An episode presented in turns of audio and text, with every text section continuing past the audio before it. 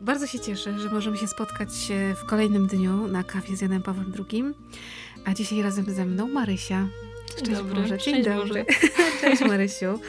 No i oczywiście Jan Paweł II. Właśnie tutaj Marysia nawiązała kontakt z Janem Pawłem II. Witamy Was dzisiaj, 15 marca, w trzecią niedzielę Wielkiego Postu. Słowo wylosowane, co ważne, dla Marysi na dzisiaj to jest właśnie orędzie na Wielki Post. Sam Chrystus wskazuje nam w Ewangelii bogaty program nawrócenia. Chrystus, a po nim Kościół, przedkłada nam również w czasie Wielkiego Postu środki, które służą do tego nawrócenia. Chodzi przede wszystkim o modlitwę, potem o jałmużnę i post. Trzeba przyjąć te środki i wprowadzić je w życie stosownie do potrzeb i do możliwości człowieka i chrześcijanina naszych czasów. Modlitwa pozostaje zawsze pierwszym i podstawowym warunkiem zbliżenia się do Boga. W czasie Wielkiego Postu powinniśmy modlić się. Powinniśmy usiłować modlić się więcej, szukać czasu i miejsca, aby się modlić. To modlitwa na pierwszym miejscu sprawi, że wydobędziemy się z obojętności i uczyni nas wrażliwymi na sprawy Boga i duszy. Modlitwa wychowuje także nasze sumienia, a Wielki Post jest czasem szczególnie stosownym do rozbudzenia i wychowania sumienia. Kościół przypomina nam właśnie w tym okresie nieodzowną konieczność spowiedzi sakramentalnej, abyśmy wszyscy mogli przeżywać zmartwychwstanie Chrystusa nie tylko w liturgii, lecz także w naszej własnej duszy. Jałmużna i post, jako środki nawrócenia i pokuty chrześcijańskiej, są ściśle połączone między sobą.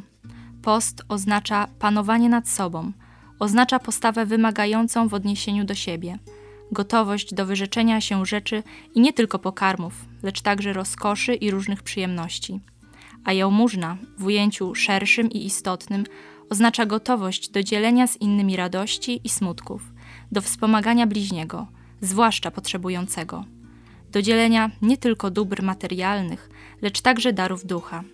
I właśnie z tego powodu powinniśmy otwierać się dla innych, odczuwać ich różne potrzeby, cierpienia, nieszczęścia i szukać środków, nie tylko w tym, co posiadamy, lecz nade wszystko w naszych sercach, w naszym sposobie postępowania i działania, dla zaradzenia ich potrzebom lub niesienia ulgi w ich cierpieniach i niedolach. Tak więc nawrócenie się do Boga przez modlitwę łączy się ze zwróceniem się do człowieka, będąc wymagającymi wobec siebie i wielkodusznymi wobec bliźnich w sposób konkretny i równocześnie społeczny wyrażamy nasze nawrócenie. Przez pełniejszą solidarność z ludźmi, z ciężko pracującymi, a zwłaszcza z pozostającymi w potrzebie, łączymy się z Chrystusem cierpiącym i ukrzyżowanym. Słowo wypowiedziane no dawno, dawno. Ciebie na świecie nie było. Dawno, ale wydaje mi się, że cały czas aktualne. Nawet bardziej niż może wtedy. Dla ciebie dziś aktualne? Jak najbardziej bo to słowo mówi właśnie o tym, o czym ludzie w obecnych czasach zapominają. Tak naprawdę, bo ta modlitwa jest najważniejsza, a ludzie teraz skupiają się na jakichś czynach społecznych, właśnie na tej może jałmużnie i poście bardziej niż na tej modlitwie, która jest podstawą podstaw. Od tego się wszystko zaczęło.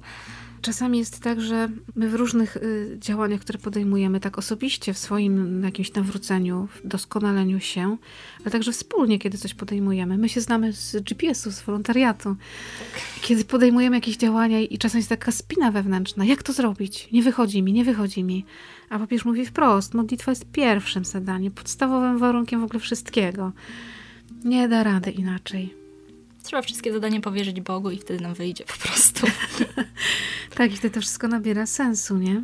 To jest program dla ciebie, dla młodego człowieka?